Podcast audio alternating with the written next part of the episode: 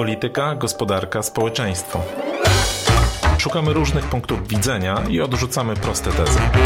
Rozmawiamy z ciekawymi gośćmi. Analizujemy sprawę z jednej, ale też z drugiej strony.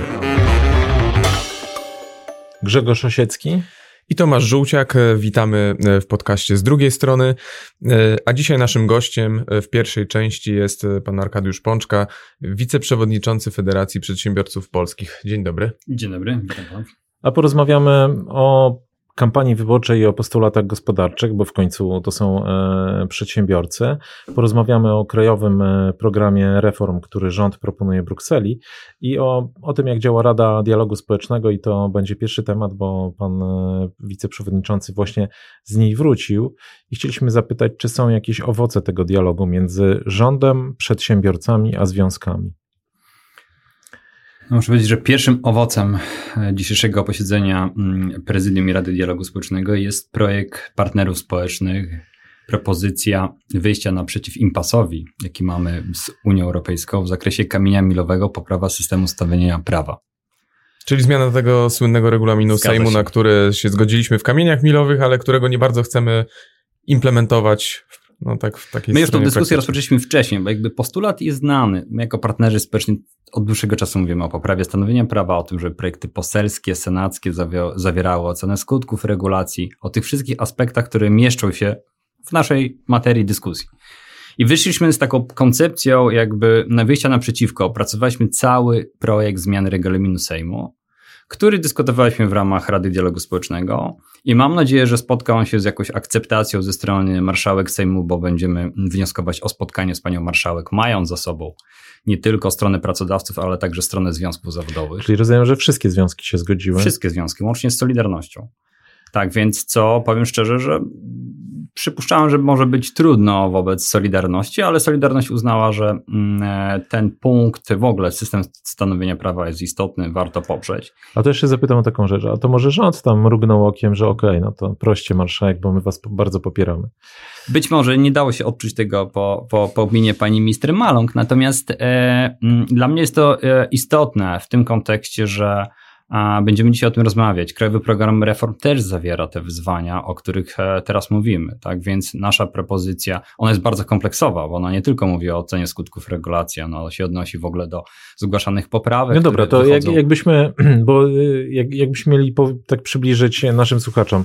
Dzisiaj mamy taką sytuację, w której jest godzina 23.50, jutro jest posiedzenie Sejmu i wpływa na projekt poselski, tak? I y, jeżeli się uda przegłosować większością sejmową w momencie otwarcia posiedzenia, to on na tym posiedzeniu może być, e, może być rozpatrzony. Co więcej, on, jak to nie jest jakiś kodeks albo, nie wiem, jakaś inna specjalna ustawa, może być nawet przyjęty. To co proponujecie wy? Aby z tym projektem zaczekać aby ten projekt podać chociaż minimalnym e, terminom konsultacji, a po drugie, żeby ten projekt, e, oprócz takich sytuacji nagłych, bo zdajemy sobie sprawę, że te nagłe sytuacje muszą być bezpieczeństwo państwa czy inne kwestie, ale że ten projekt zawierał elementarny ocenę skutków regulacji. Czyli? No, żeby zamieniał tak zwany OSR, wpływ na przedsiębiorców, wpływ na budżet. Często dzisiaj tak, że projekty poselskie mają bardzo krótkie uzasadnienie. Dosłownie trzy zdania, wchodzi projekt do Sejmu, w uzasadnieniu jest tylko nie znamy wpływu e, proponowanych zmian na e, budżet państwa, na e, działalność przedsiębiorców, na rynek pracy. Przypomnę Państwu, jak wygląda o, e, uzasadnienie dla zakazu handlu w niedzielę. E, było jedno zdanie. Nie, nie znamy mm, e, mm, wyliczeń w zakresie wpływu projektu ustawy na rynek pracy ale sam OSR, nawet jeżeli będzie załączony, on też, one też bywają różnej jakości. Się. Czasami tak mamy ewidentne tak? ustawy, które, tak, y, Ctrl-C, Ctrl-V. E, Zgadzam się, sam pracowałem. Wiadomo, że ustawa generuje koszty, ale nikomu nie chciało się ich policzyć, więc na wszelki wypadek się pisze, że e, ustawa ta nie generuje jakichś skutków dla finansów. Tak, ale ten termin, który będzie dla nas, dla partnerów społecznych, jeżeli e, są organizacje, które mają do tego możliwości, są w stanie policzyć wpływ, wpływ danych rozwiązań na e, biznes, na rynek pracy, no to jest chociaż minimalny termin, dla którego my możemy się wypowiedzieć, tak? No, y, też chcemy zerwać z tak zwanymi poprawkami, które, to jest bardzo trudne. Wrzutkami. Wrzutkami, które są, no nie chcę tu już mówić, pisane na kolanie, ale wrzutkami, które często A, wychodzą poza materię projektu ustawy, mhm. B, są istotne z punktu widzenia e, projektu ustawy oddziaływania na na przykład budżet, finanse publiczne. No, żeby ta poprawka też miała minimalne jakieś uzasadnienie, bądź ocenę skutków regulacji, czyli wpływ na. Czyli na, poprawki na też, tak? Poprawki też. No, to jest dzisiaj naprawdę, jak analizujemy system stanowienia prawa w Sejmie, to nie tylko się tyczy zgłaszanych projektów poselskich, ale też poprawek i w ogóle możliwości wypowiedzenia się. My dzisiaj nie mamy żadnego terminu. Czyli chcecie skrępować ręce posłom, a zwłaszcza posłom większości rządowej, tak mówiąc wprost. Chcemy większej przejrzystości w zakresie procesu stanowienia prawa.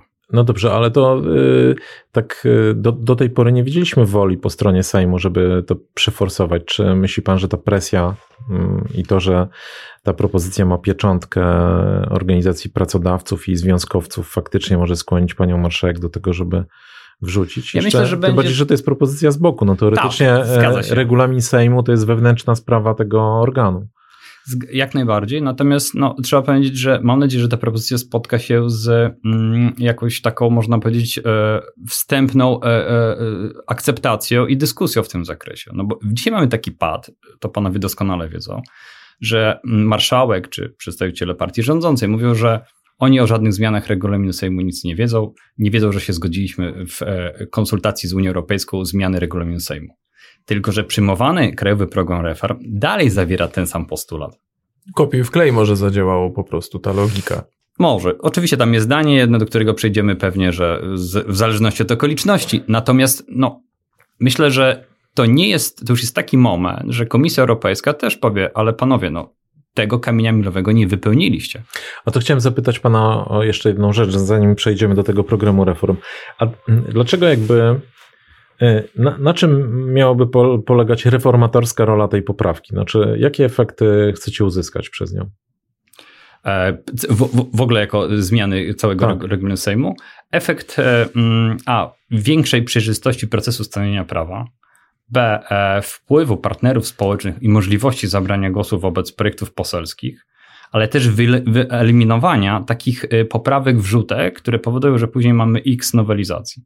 Znaczy, no, ilość przypadków, kiedy się zdarzała, że mamy ustawę na przykład o krwiodawstwie, a jest wrzucona poprawka dotycząca rynku pracy, jest dosyć dużo. Już nie, nie, nie chcę ja- się wracać, jak duże No jest. wiem, tylko z drugiej strony, czy nie wytrącacie trochę takiego podstawowego oręża? Ja przypomnę, znaczy powiem o takiej anegdocie, to nie jest ten rząd, to był, jest kilka rządów wstecz, posiedzenie budżetowe Sejmu i rozmawiam z wiceminister finansów i mówimy ona, wie pan, panie redaktorze, jestem taka zmęczona, bo ja do rana poprawki posłom pisałam. No i tak było, tak? I więc jakby próbujecie ukrócić taki zwyczaj, który w Sejmie jest od kilku kadencji. Plus e, zaznaczamy e, bardzo wyraźnie, że są projekty e, bardzo istotne, no, których rząd powinien sobie jakby, no mówię o bezpieczeństwie państwa, o zagrożeniach związanych z zewnętrznymi, których no ta, szyb, ta szybka ścieżka zawsze będzie. Ja powiem szczerze, ja pracowałem po tej i po tej stronie i pamiętam jak każda dyskusja w zakresie stanowienia prawa, czy to z osobami, które prowadziły proces legislacyjny, przeprowadzały ustawy, skupiała się wokół tego, że rząd zawsze musi mieć e, e, możliwość szybkiej reakcji na zewnętrzne czynniki, otoczenie, Mhm. aby móc, mówiąc kolokwialnie, przepchnąć projekt ustawy na jednym posiedzeniu. No i to racjonalne jest, tak? Wydaje się. To w jakimś zakresie jest racjonalne, ale jeżeli to dotyczy gospodarki, spraw społeczno-gospodarczych, czyli materii, która jest gdzieś przedmiotem obrad Rady Dialogu Społecznego, to my podnosimy rękę i krzyczymy hello, chcemy się w tej kwestii wypowiedzieć chociażby w ciągu trzech dni, czterech. A jak chcecie w, tak w praktyce wprowadzić ten bezpiecznik, żeby e, te wrzutki poselskie na dalszych etapach prac nie wykraczały poza zakres przedłożenia? Bo teoretycznie no, dzisiaj też taka zasada obowiązuje, że to nie powinno wykraczać poza, e, poza ten zakres, no ale no, Powiem wiemy więcej, jak jest. I domyśl- to legislacja covidowa bardzo dobitnie to pokazała, że tam można wrzucać właściwie wszelkie rzeczy. Powiem E, więcej, nawet sobie układam taki scenariusz, że nawet e, będzie w regulaminie Sejmu zapisane, że poprawka nie może wykraczać poza materię, a praktyka będzie mówiła co innego. No to jestem tego jak najbardziej świadomy, tak? Dzisiaj e, i, to, i to niezależnie od opcji politycznej, bo jakby e, no, nie ma innego wpływu rządzący na oddziaływania na całą sferę gospodarki poprzez regulację. To jest kluczowa kwestia. Tak więc ja myślę, że ta praktyka będzie się utrwała bardzo powoli, ale to jest pierwszy wstęp i to nie jest wstęp taki, że hello, my się zerwaliśmy i mówimy dzisiaj, e, trzeba to ukrócić. No, przypominamy, że takie kwestie też wymaga od nas zalecenie Komisji Europejskiej, Rady Unii Europejskiej. No właśnie, wracając do komisji, no bo to, to jest jedna, jeden z punktów tego krajowego planu reform, o czym wspomnieliśmy, czyli takiego dokumentu, w którym rząd zobowiązuje się wobec Brukseli do wprowadzenia pewnych działań w ramach tak zwanego semestru europejskiego, które generalnie mają reformować gospodarkę, zapewniać jej stabilność. Tam są też inne pomysły, na przykład jako zastosowanie umów zleceń. To jest kolejne podejście. E, na ile to jest istotny e, pomysł? Bo z jednej strony mieliśmy przed chwilą doświadczenie Polskiego Ładu. O zastosowanie umów zleceń, no większości tych, którzy mają umowy zlecenia, będzie się kojarzyło przede wszystkim z tym, że zapłacą większą składkę, więc z punktu widzenia politycznego rządu, no to jest wchodzenie w kampanii wyborczej z postulatem, gdzie część podatników będzie niezadowolona. No ten to doskonale zdajemy sobie sprawę, bo ten projekt, mm, to można głośno powiedzieć, on chyba się toczy od dłuższego czasu. I ja sobie przypominam, jak mister Szwed wspominał, że chyba już dwa czy trzy razy był zawracany z, przed KPRM do resortu, że jednak nie wejdzie ten projekt na dalszą agendę rządową, czyli patrzę, to chyba komitet stały albo po mm, zespole programowania prac rządu. I z drugiej strony, mm, jak sobie przypominam, to rzeczywiście jedynym argumentem był argument e, polityczny, wyborczy.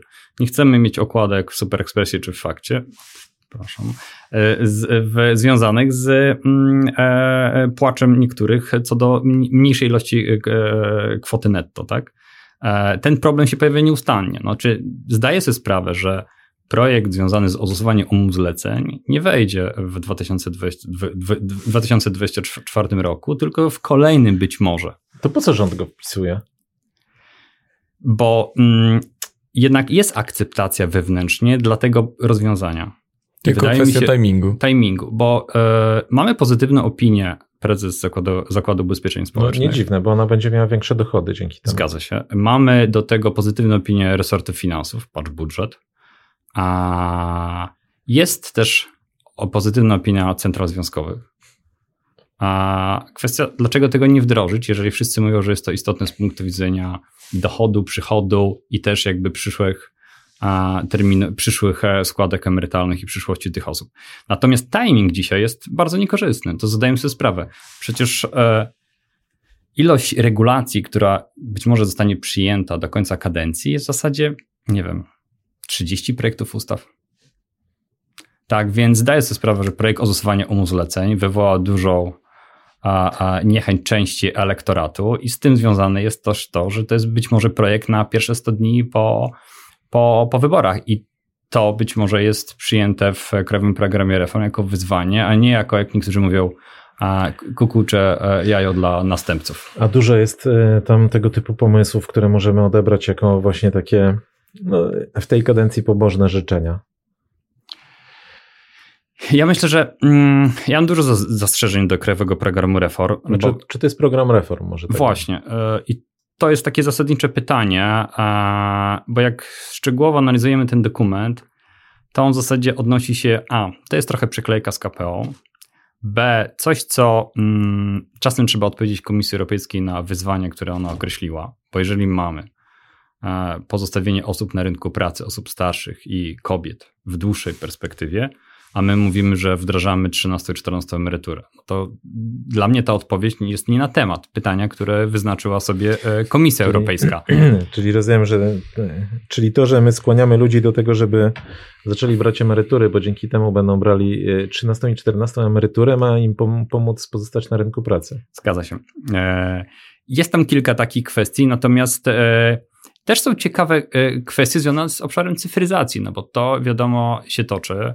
Kwestia rozpisania przetargów i e, wdrożenia. To jest długa perspektywa, ale jeżeli ja widzę, że jest przygotowany e karta zgonu, e, mm, e, aplikacja związana z płatnikiem ZUS-owskim mhm. dla lekarzy, dla biznesu. Specjalna dla... aplikacja. Tak, tak, tego tak? jest bardzo dużo, naprawdę. To są rzeczy, które w jakimś stopniu przybliżają nas do tak zwanego, nie wiem, sprawnego państwa, czy może jeszcze daleko do Estonii, ale są to elementy, które wpisują się dla mnie w to, co mówi e, Unia Europejska. Ale jeżeli patrzę na kwestię e, płynności, e, tam jest projekt, tam jest punkt dotyczący mm, wzmocnienia płynności finansowej przedsiębiorców i mamy bardzo słabe rozwinięcie tego wątku. Czy mamy system konsultacji, poprawienia konsultacji społecznych?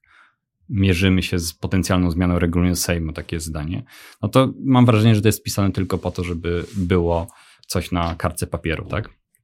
A to ja, ja chciałbym też zapytać w kontekście kampanii, yy, bo, bo to też się wiąże z pewnymi planami.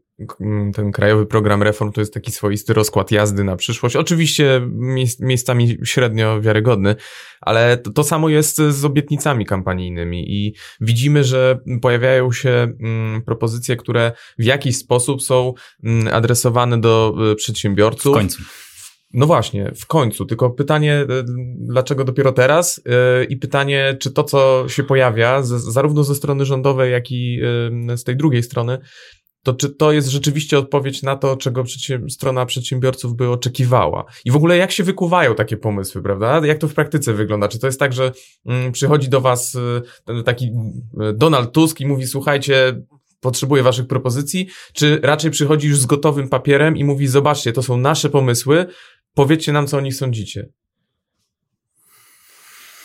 Wziąłem głęboki oddech, bo po pierwsze to mm, cieszę się, że w końcu przedsiębiorcy zostali zauważeni w tej kampanii, bo tak naprawdę wcześniej to myślę, że ta grupa była gdzieś na marginesie. E, cały czas kampania jakby szła tymi aspektami społecznymi i tym, aby nie popełnić żadnego błędu, bo biznes mam wrażenie, w kampanii, jak jest wymieniany, to każdy sobie myśli, a to, to, to jest biznes, to ja poczekam. Do, zdjęć spotykać się nie chcę, bo zaraz powiedzą, że wspieram wielki biznes. E, e, mm, to a propos tych spotkań. A jeżeli chodzi o jakieś propozycje, to zawsze jest bardzo trudno coś przedstawić szczegółowego, lepiej zabawmy się w ogólniki, tak? Tym bardziej, że wydaje mi się, że przestrzeń w zakresie takich propozycji gospodarczych e, po Polskim Ładzie było dosyć dużo. Bo jakby mm, to, co się stało z Polskim Ładem, z jego wdrożeniem, poprawianiem, to myślę, że dla sektora przedsiębiorców no to jest taki moment, że warto coś przedstawić, nawet tak zwany powrót do normalności. On trochę gdzieś tam się przejawia w tych propozycjach, akurat mówimy partii opozycyjnej. Natomiast e, my staramy się rozmawiać z poszczególnymi e, partiami politycznymi, nawet mocno krytykując niektóre propozycje, bo jeszcze e, przypomnę panu, że chyba a jeszcze tak trzy miesiące temu PSL to popierał dobrowolny ZUS. A dzisiaj już, już jakaś, dzisiaj widzę już taka, taka, taka lekka stopniowa ewaluacja w tej, w, tej, w tej partii nastąpiła co do tego projektu. Natomiast e, to jest tak, że e, dzisiaj w moim przekonaniu mocno propozycjami gospodarczymi z tyłu stoją sondaże jednak różne badania, jednak to e, partie polityczne wrzucają wszelkie propozycje pod kątem badań grup docelowych i to się mieli. To nie jest dzisiaj tak, że dzisiaj wychodzimy, przygotujemy, nie wiem, dwie stawki VAT, tak? Propozycje. A przygotujemy podniesienie wieku emerytalnego. Każdy będzie bardzo długo o tym dyskutował wewnątrz klubu. Chociaż z drugiej strony, powiem szczerze, to, co zobaczyłem ze strony partii opozycyjnej, te pięć punktów, które były przedstawione w, w ostatnią e, weekend, to cały czas się zastanawiam, i w jaki sposób proces decyzyjny do akceptacji tych pięciu punktów, zwłaszcza do którego jednego punktu się mm, odnoszę, mówię o centrach obsługi podatnika, on jest dla mnie niezrozumiały. Jakby z jednej strony ja rozumiem. mieć centrum obsługi podatnika? E, ja rozumiem, że to jest jakaś propozycja wynikająca z dyskusji, że przedsiębiorcą w spotkaniach z partią mówię o tym, jaki jest dzisiaj a, a współpraca z urzędami skarbowymi. No, ale przecież tabliczką centra zmiany kasu na centra obsługi podatnika nic się nie zmieni. A, a wręcz będę bardziej brutalny, powiem. Równie dobrze mógłbym pokazać pismo z 2013 roku wczesnego ministra zarządów e, e, e, PO, który mówił, że musimy docisnąć przedsiębiorców z kontrolami, aby wpływy do budżetu się zgadzały. Przecież nie sądzę, że to jest tak, że jak przygotujemy... No, następcy docisnęli i się zaczęły zgadzać. No, bardziej tutaj była chyba luka mm, i szara strefa. Natomiast mm, my staramy się rozmawiać z każdą z partii politycznych, przedstawiając swoje propozycje. One są niejednokrotnie bardzo szczegółowe, czy kwestie i, I można powiedzieć, nie patrzymy na sondaże, bo jeżeli my jasno mówimy, że w naszych propozycjach, to muszę powiedzieć, że też jako organizacje przedsiębiorców wystąpimy z takimi propozycjami e, do mm, partii politycznych, ale też do wszystkich biorących udział w tych wyborach, procesami gospodarczymi. I z jednym z, z tych punktów zdradzę będzie podniesienie wieku emerytalnego. Na twardo. Na twardo. To jest, uważam, że my jako przedsiębiorcy, no, inaczej patrzymy na te wszystkie sondaże, albo bardziej patrzymy, mówiąc skrótowo, na Excel i na e, trendy w gospodarce. No i trzeba być jasno, to jest, to jest dyskusja bardzo merytoryczna, tak? Ja ale to rozumiem, że zaraz będzie zarzut, że no, zresztą taki poniekąd też naturalny, tak, że to jest wasz lobbying taki, lobbying rozumiany w takim sensie neutralnym, zabiegania o własny interes. Tak, no, no bo pod, podniesienie wieku to jest jakby kapitalistów, te, no też, e, czego życzymy, natomiast zabieganie, e, zabieganie o własny interes, no bo w ten sposób będziecie mieli pracowników. No w jakiś stopniu tak, no bo patrzymy też na demografię, tak? E, I e, patrzymy też na, na to, co może się stać z, e, z w razie, no w razie, mam nadzieję, że pozytywne rozwiązania konfliktu na Ukrainie, odpływu części, części pracowników. Dzisiaj przedsiębiorcy w dużej mierze bardzo mocno patrzą na politykę rynku pracy, jak to będzie się kształtowało w perspektywie 3-4 lat. A to dzisiaj rynek pracy jest ważniejszy na przykład niż kwestie podatkowe, regulacyjne? jak się rozmawia z przedsiębiorcami, to co zrobił Polski Ład i chce się jakiejkolwiek dyskusji, dyskusji w temacie istotnym bardzo, na przykład dwóch stawek VAT, to wszyscy mówią, panie, już mam dość tych podatków. E, Polski Ład dokonał takiej w ogóle mm, mentalnej, mentalnej zmiany. zmiany, że e, e, mam wrażenie, że mówię o tym mikro i małym biznesie, którego jest najwięcej, że temat podatków e, e kompletnie jest im obojętne. Tak? Mam wrażenie, że jasne, to jest istotne z punktu widzenia, czy jakaś partia będzie mówiła, że zmniejszymy podatki albo wprowadzimy dwie stawki VAT-owskie, tak? Albo będzie, e, e, nie wiem, zasada. E, dziś wczoraj mi się przypomniała słynna zasada rozstrzygania wątpliwości na korzyść podatnika wprowadzona przez Bronisława Komorskiego, która jest w zasadzie chyba martwa, tak? Ona tam jest stosowana, ale bardzo rzadko, tak? Ale to ja mogę w kontrze przypomnieć, że między innymi Bronisław Komorowski zastopował e, no, na skutek wtedy lobbingu przedsiębiorców e, klauzulę obejścia prawa podatkowego, bo ona miała wejść w ówczesnej ordynacji. Tak. Nie weszła. PiS zmienił rząd e, się. i wprowadził ją tak z marszu w ogóle Natomiast zasadę, przy znikomym proteście. Zasadę wątpliwości podpisał, pamiętam, w ostatni dzień. To też był jedna z takich akcji, które przeprowadzali pracodawcy w tamtym zakresie. Natomiast ja myślę, że ta dyskusja w kampanii wyborczej E, będzie o tyle trudna, że będzie trudna o szczegóły. Bo te hasła, które przedstawia partia opozycyjna, czekam jeszcze na, na czekamy jeszcze na partię rządzącą, będzie bardziej bazowała na ogólnikach. Niestety. a stanowisko partii rządzącej nie jest trochę jasne, bo jak mieliśmy ten polski ład wspominany przez pana, to on de facto sprowadzał się jakby e, do dwóch filarów. Jeden to była reforma ta podatkowo-składkowa, taka nazwijmy dla wszystkich, pitowska, no ale druga to były szereg innych pomysłów, które były dosyć dopracowane, tak jak te ulgi, e, tam była ulga na, robo, na robotyzację, ulga na, pro, na prototyp, był pomysł e, e, CIT-u estońskiego. No, pytanie na ile jakby tamte się okazały dopracowane i wyskoczyły, ale rozumiem, że rząd raczej nie, nie, wyjmie teraz kapelusza i nie powie przedsiębiorcy, to teraz dla was wszystko, tylko jak już to myślę po ostatnim e, spotkaniu premiera, gdzie tam było 300 zł dla e, sołtysów, to, to, może teraz będzie tam, to potem będzie 400 dla tych, a 500 dla tamtych. Ja myślę, że w, w, już abstrahując od e, tej dyskusji takiej światopoglądowej, która się tam toczy przy wyborach, ja myślę, że właśnie w takim kierunku będzie to niestety szło, tak? A, I nie będzie dyskusji na temat, e, zresztą to, co Pan wspomniał ten projekt, właśnie to jest ciekawy projekt, bo ten projekt w uzasadnieniu ma dosłownie trzy zdania. Okej, okay, no materia jest jasna. To jeszcze nie ten projekt, jak się okazuje. Tak, bo to, ja tak. bo to jeszcze będzie to jeden. To jest zły projekt, to jest projekt Solidarnej Polski, a będzie jeszcze rządowy będzie dopiero potem. Tak. Zgadza się.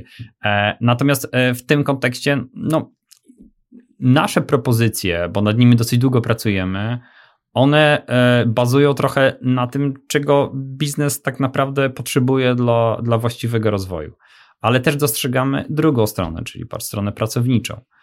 Ja zdaję sobie sprawę, po polskim ładzie jeszcze dopowiem, dzisiaj przed takim wyzwaniem, jak mówiliśmy o drodcach podatkowych, o tych działach finansowych, dzisiaj stoją działy HR, bo przypominam, że wdrażamy teraz momentalnie e, projekt ustawy kontroli trzeźwości, pracę zdalną, dyrektywę Work-Life Balance i zmiany w kodeksie pracy. I to wszystko wchodzi w życie w ciągu miesiąca. To jest kolosalna zmiana e, dla pracodawców, gdzie tak naprawdę umowy mm, terminowe są zrównane z umowami bezterminowymi. Pracodawcy będą się zastanawiać, co robić z tymi osobami, którym kończą się e, e, umowy, czy je przedłużać, w jaki sposób zawierać, żeby korzystne z punktu widzenia sterowania polityką rynku pracy w firmach. Tak więc tu są te problemy, które w moim przekonaniu rzeczywiście kwestia związana z takim stabil normalnością, stabilnym otoczeniem prawnym zyskuje na znaczeniu. Tylko pytanie, czy to jest dobre hasło wyborcze, stabilne otoczenie prawne. No to wracamy do początku naszej rozmowy, kończąc ją, czyli do, do, tego waszego postulatu, bo to będzie pewnie jakiś papierek lakmusowy. Czy, czy w ramach y, robienia tego otoczenia legislacyjnego i regulacyjnego bardziej przejrzystym ta propozycja partnerów społecznych zmian regulaminu Sejmu przejdzie, ale przekonamy się za chwilę pewnie o tym. Tak, przekonamy się na chwilę i mam liczę na spotkanie z panią marszałek, że w tym okresie kampanijnym będzie tutaj pozytywny dialog w tym zakresie.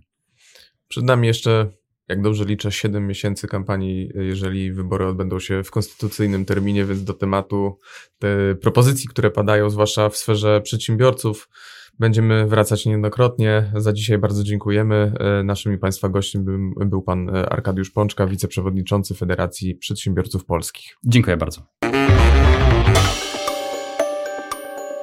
A w części drugiej naszego podcastu, trochę w nawiązaniu do tego, o czym mówiliśmy w części e, pierwszej, porozmawiamy o legislacji, ale tym razem o legislacji wyborczej. No mamy taki specjalny rok, który się zdarza raz na 4 lata i to dyktuje e, tempo i także jakość, ale przede wszystkim ilość projektów rządowych. Wydaje się, że one dzielą się w tym roku na trzy rodzaje. Po pierwsze te dla wyborców i o tych pewnie jeszcze będziemy mieli kilka miesięcy, żeby porozmawiać. Na projekty konieczne, to znaczy takie, które rząd musi wrzucić, bo po prostu jakieś sprawy załatwiają i uznaje, że bez nich nie będzie mógł dalej działać, nie załatwi istotnych spraw.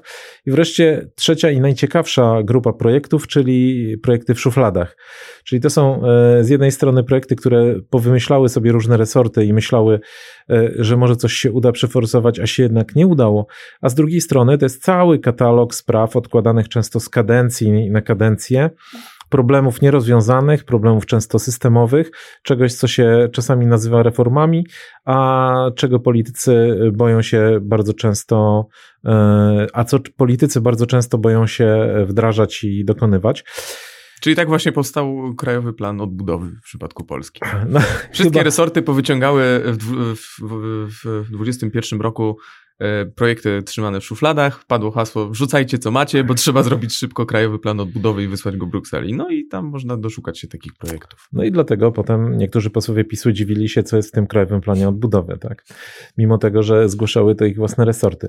Natomiast e, mm, chciałem nawiązać do tych projektów, które są konieczne. E, to są takie projekty, które już E, rząd czasami okroi do minimum.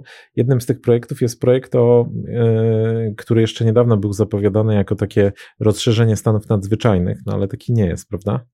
Oj, to jest bardzo długa, e, to jest epopeja taka legislacyjna tak naprawdę. No, rząd uparł się, że to będzie projekt rządowy, co generuje też no, określoną ścieżkę jego procedowania. Ale Tutaj to należy docenić, że nie poselski jednak. No. no i troszkę się dziwię, no bo przecież ta ekipa potrafiła pchać projekty poselskie nawet no, naprawdę daleko idące. Ten też jest daleko idący, e, przynajmniej w tej e, wyjściowej e, propozycji, bo wyjściowa propozycja pojawiła się, jeżeli dobrze pamiętam, w okolicach września roku 22.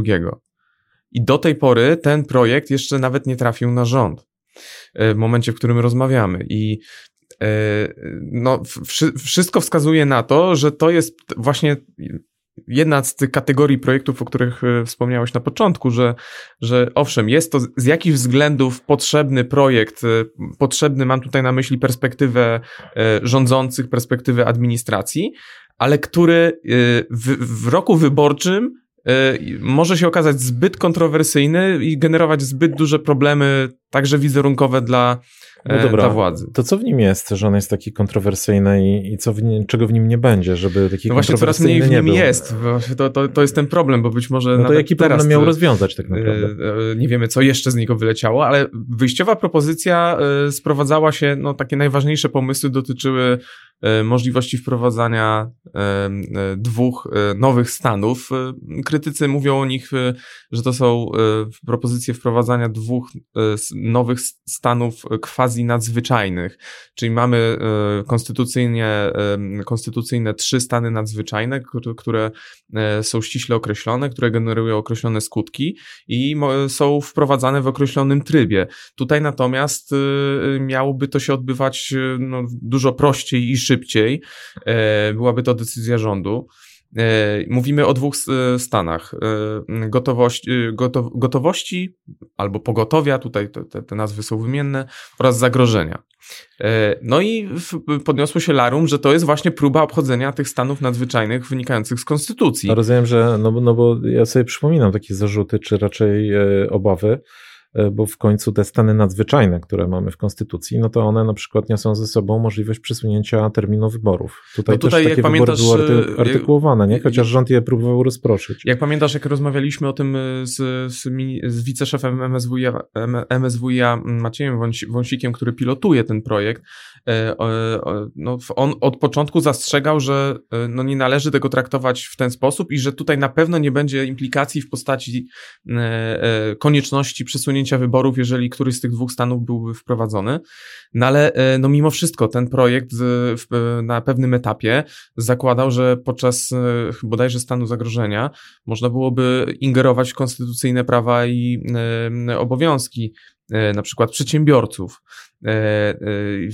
Więc to budziło bardzo duże kontrowersje. I to, co na przykład E, budziło równie duże kontrowersje, ale e, nie zostanie e, wdrożone, to jest pomysł pełnomocnika. Rząd wymyślił sobie, że w sytuacji zagrożenia czasami pewne decyzje muszą zapaść szybko no i w ogóle muszą zapaść. Jeżeli, nie, nie wiem, czy oglądałeś taki serial Wielka Woda, Oglądałem. tam była taka sytuacja, e, w której e, e, jedna z miejscowości pod Wrocławiem obroniła się, tak? Przed miała się, chciała się obronić przed decyzją polegającą na wysadzeniu wałów przeciwpowodziowych w imię ratowania większego, większego miasta. I mm, rozumiem, że taki pełnomocnik To znaczy oni właśnie chcieli się, chcieli się obronić, a konflikt polegał na tym, że ponieważ oni chcieli się obronić, to wielki wielkie miasto miało zostać zalane, tak? No bo to, to tak. był ten dramatyzm. I, I, pomysł zasadzał się na tym, że w, w, sytuacji, w której wójt odmówi wykonania tego typu zadania, e, do gminy zostanie wprowadzony pełnomocnik, który wykona to zadanie za niego. E, ta propozycja była łagodzona, to znaczy, że najpierw e, próbowano załatwić to w ten sposób, że okej, okay, no przecież to będzie tylko do tego jednego konkretnego zadania. Potem, że jednak to będzie finansowane nie z budżetu gminy, tylko z budżetu wojewody. No ale to też nie przeszło. Ostatecznie skończyło się na tym, że cała koncepcja pełnomocnika e, no, trafiła już na tym etapie do kosza i tego w projekcie ma nie być. Szczerze mówiąc, ja się trochę nie dziwię, bo wyobrażam sobie tę sytuację, w której przyjeżdża ten pełnomocnik do jednego zadania i mówi, ok, to ja ci wysadzę wały, a potem ty sobie posprzątasz, tak? Znaczy, no ktoś tutaj powinien mieć odpowiedzialność od początku do końca. Może powinny być to polecenia wydawane takiemu wójtowi, ale raczej nie, nie tego typu osoba. No więc y, y, to jest taki y, klasyczny przykład projektów, który z różnych względów jest potrzebny. Zresztą minister Wąsik się powoływał na doświadczenia wynikające z pandemii, z różnych kryzysów, których doświadczaliśmy, że to jest coś, co potrzebuje administracja, żeby móc sprawnie, szybko i w trybie takim 24-godzinnym działać. No ale jednak to jest projekt, który na, trafił na e, zbyt trudne czasy, czyli rok wyborczy, e, i uznano, że on uzyska zielone światło w samym rządzie, pod warunkiem, że zostanie stępiony z takich najbardziej daleko idących propozycji. No i jak widać, no, z tej wyjściowej propozycji to już zostaje powoli taki kadłubek legislacyjny. No to pytanie, czy taki kadłubek warto forsować i ciekawe, jak ta historia się skończy. E, no to jest projekt, który ma szansę na to, żeby zostać uchwalony. E, w tym tygodniu opisywaliśmy projekt, który raczej na to szansę ma małe w tej kadencji, czyli ozusowanie umów zleceń.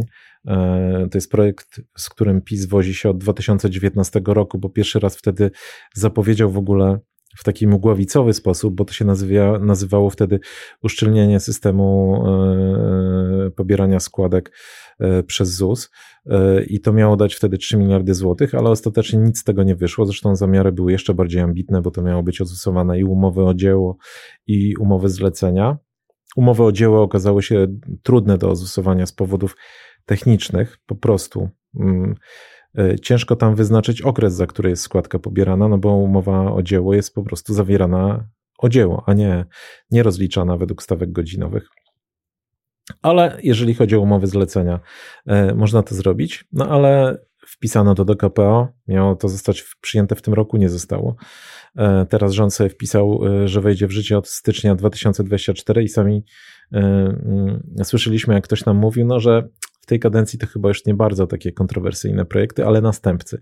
No już widzę, jak następcy przyjdą 25 e, czy tam nie wiem, 30 e, października powstanie nowy rząd i pierwsze, o czym będzie myślał, to to, żeby wprowadzić ozusowanie umów zleceń. Więc jakby... Ale też jest taka zasada, prawda, że jeżeli masz jakiś trudny projekt do przeprowadzenia, to lepiej go przeprowadzić e, w pierwszej części kadencji niż, niż bliżej wyborów. Szczerze mówiąc, mam na myśli jeszcze jeden projekt, e, którego dotyczy trochę inna zasada. Jeżeli masz na, naprawdę trudny projekt do przeprowadzenia, to lepiej go w ogóle nie przeprowadzać. I y, to jest trochę historia, y, historia jakby, którą sam PiS zauważył, a raczej jego urzędnicy, y, przy systemie emerytalnym. Po wprowadzeniu w 1999 roku nowego systemu emerytalnego, tam została dodana taka zasada, że każda emerytura, znaczy, że y, emerytura będzie wyliczana z każdej składki. To znaczy, jeżeli na przykład ja pracuję, znaczy nie pracuję, tak, ale w przeciągu 60 lat mojej kariery zawodowej udało mi się przepracować na przykład godzinę i za tą godzinę została odprowadzana składka emerytalna, to z tego ZUS wyliczy mi emeryturę, która potem będzie płacona co miesiąc, tak? I doszliśmy do takiej paranoi, że istnieje emerytura w wysokości jednego grosza która została y, naliczona właśnie za jedną umowę zlecenie. Jaki to ma sens, to można się przekonać, jak sobie wyobrazimy, że do tej osoby, no po pierwsze, e, ZUS ponosi koszty wysyłki tego jednego grosza, po drugie, na przykład koszty poczty, informacji o waloryzacji tego świadczenia i tak dalej, i tak dalej. Zresztą chciałbym zobaczyć waloryzację świadczenia w wysokości jednego grosza. No, tu jest masę problemów, ale to jest oczywiście przykład anegdotyczny takich e, emerytur. No właśnie, to jest, na ile to jest powszechny e, przykład? Znaczy, to jest taka emerytura, która oczywiście jest taka bardzo anegdotyczna, ona się się mieści w takim katalogu emerytur niższych niż minimalne. I tych emerytur już jest całkiem sporo, bo ich jest 360 tysięcy. Z tym, że akurat większość tych emerytur no jest sporo wyższa. To są takie emerytury między 500 zł, a między e, minimalną emeryturą, czyli tam do, do 1300 z hakiem. Przeciętna wysokość takiej emerytury to jest 880 zł. Ale to jest jakiś problem, ponieważ jakby no, liczba tych emerytur urosła od 23 tysięcy, to było w grudniu 2011, do obecnych ponad 360 i to jest trochę taki jakby mm, no, ślepy zaułek systemu emerytalnego. W poprzednim systemie była taka zasada, żeby dostać jakąkolwiek emeryturę, to trzeba było mieć odpowiedni staż pracy jak była robiona, jak był robiony przez, e, przy okazji pod e, obniżenia wieku emerytalnego przez sam ZUS, e, kiedy był przeprowadzany tak zwany przegląd emerytalny, to wtedy zauważono ten problem i urzędnicy ZUS-u, a także urzędnicy resortu pracy powiedzieli, że w takim przypadku warto by było także do obecnego systemu wprowadzić jakąś zasadę, która by limitowała te świadczenia. To znaczy, Drogi człowieku, jeżeli na przykład nie przepracowałeś tam minimum, nie wiem, 5, 10, 15 lat, albo jeżeli twoja składka zgromadzona jest niższa niż, to nie dostaniesz emerytury od państwa, tylko do, najwyżej zwrócimy ci te pieniądze. To by zmniejszyło tę liczbę emerytur, bo my często nie wiemy, co to są za ludzie. Teraz, jak się patrzy na te dane ZUS-u, to okazuje się, że połowa z tych 360 tysięcy emerytur, prawie połowa, to są ludzie, którzy mają emeryturę naliczoną tylko na podstawie tak zwanego kapitału początkowego, czyli wyliczoną na podstawie swojej aktywności zawodowej przed 99 rokiem. Czyli od 99 roku oni nie odprowadzili żadnej składki, czyli być może nie pracowali wtedy. Może ta emerytura nie jest im w ogóle potrzebna. No jest to problem, problem do rozwiązania. Za który nikt się nie chce wziąć. No nikt się nie chce wziąć. No dlaczego? No bo potem ktoś się znajdzie na okładkach tabloidów pod tytułem Odbierają Polakom emerytury, tak? Które i tak są groszowe. które i tak są groszowe albo niewielkie, tak? No jest oczywiście gdzieś tam w tle tego jest poważny problem, bo to jest problem ludzi, którzy w czasie transformacji byli zatrudniani na czarno albo za których e, zakłady nie odprowadzały składek e, na ubezpieczenia społeczne i którzy być może nie wypracowali stażu emerytalnego. I to jest potężny problem do rozwiązania, ale właśnie nikt tego woli nie, znaczy nikt nie jest chętny, żeby tego typu problemy rozwiązywać, więc niestety one należą do tego katalogu, który będzie spoczywał e, w szufladzie pod tytułem no może następcy się zajmą. Tutaj możemy tak podsumowując, y, bo ktoś się może zastanowić w ogóle, jaka jest pula tych projektów, które trafią pod topór. My o tym kiedyś pisaliśmy w Dzienniku Gazecie Prawnej. E, no, w, ta pula li, liczyła, z tego co pamiętam, niecałe 200 projektów ustaw przygotowanych przez poszczególne resorty. E, w, w kancelarii premiera przyjrzano się tym mm, projektom i uznano, że no, część z nich faktycznie e, no, musi poczekać na lepsze czasy. Takie nieoficjalne przesłuchy czy założenia były takie, że zielone światło uzyska 50, 60 z nich. Więc widać skalę po prostu tego cięcia, co jest podyktowane oczywiście jakąś potrzebą e, chwili, potrzebą polityczną. No i e, w, w, być może czasami to są dobre wiadomości, że coś nie zostanie wdrożone, a być może czasami złe. No właśnie. I ciekawe, co z, tym, e, co z tymi szufladami zrobią potem następcy. Dziękuję bardzo. Do usłyszenia za tydzień. Polityka, gospodarka, społeczeństwo. Szukamy różnych punktów widzenia i odrzucamy proste tezy. Rozmawiamy z ciekawymi gośćmi. Analizujemy sprawę z jednej, ale też z drugiej strony.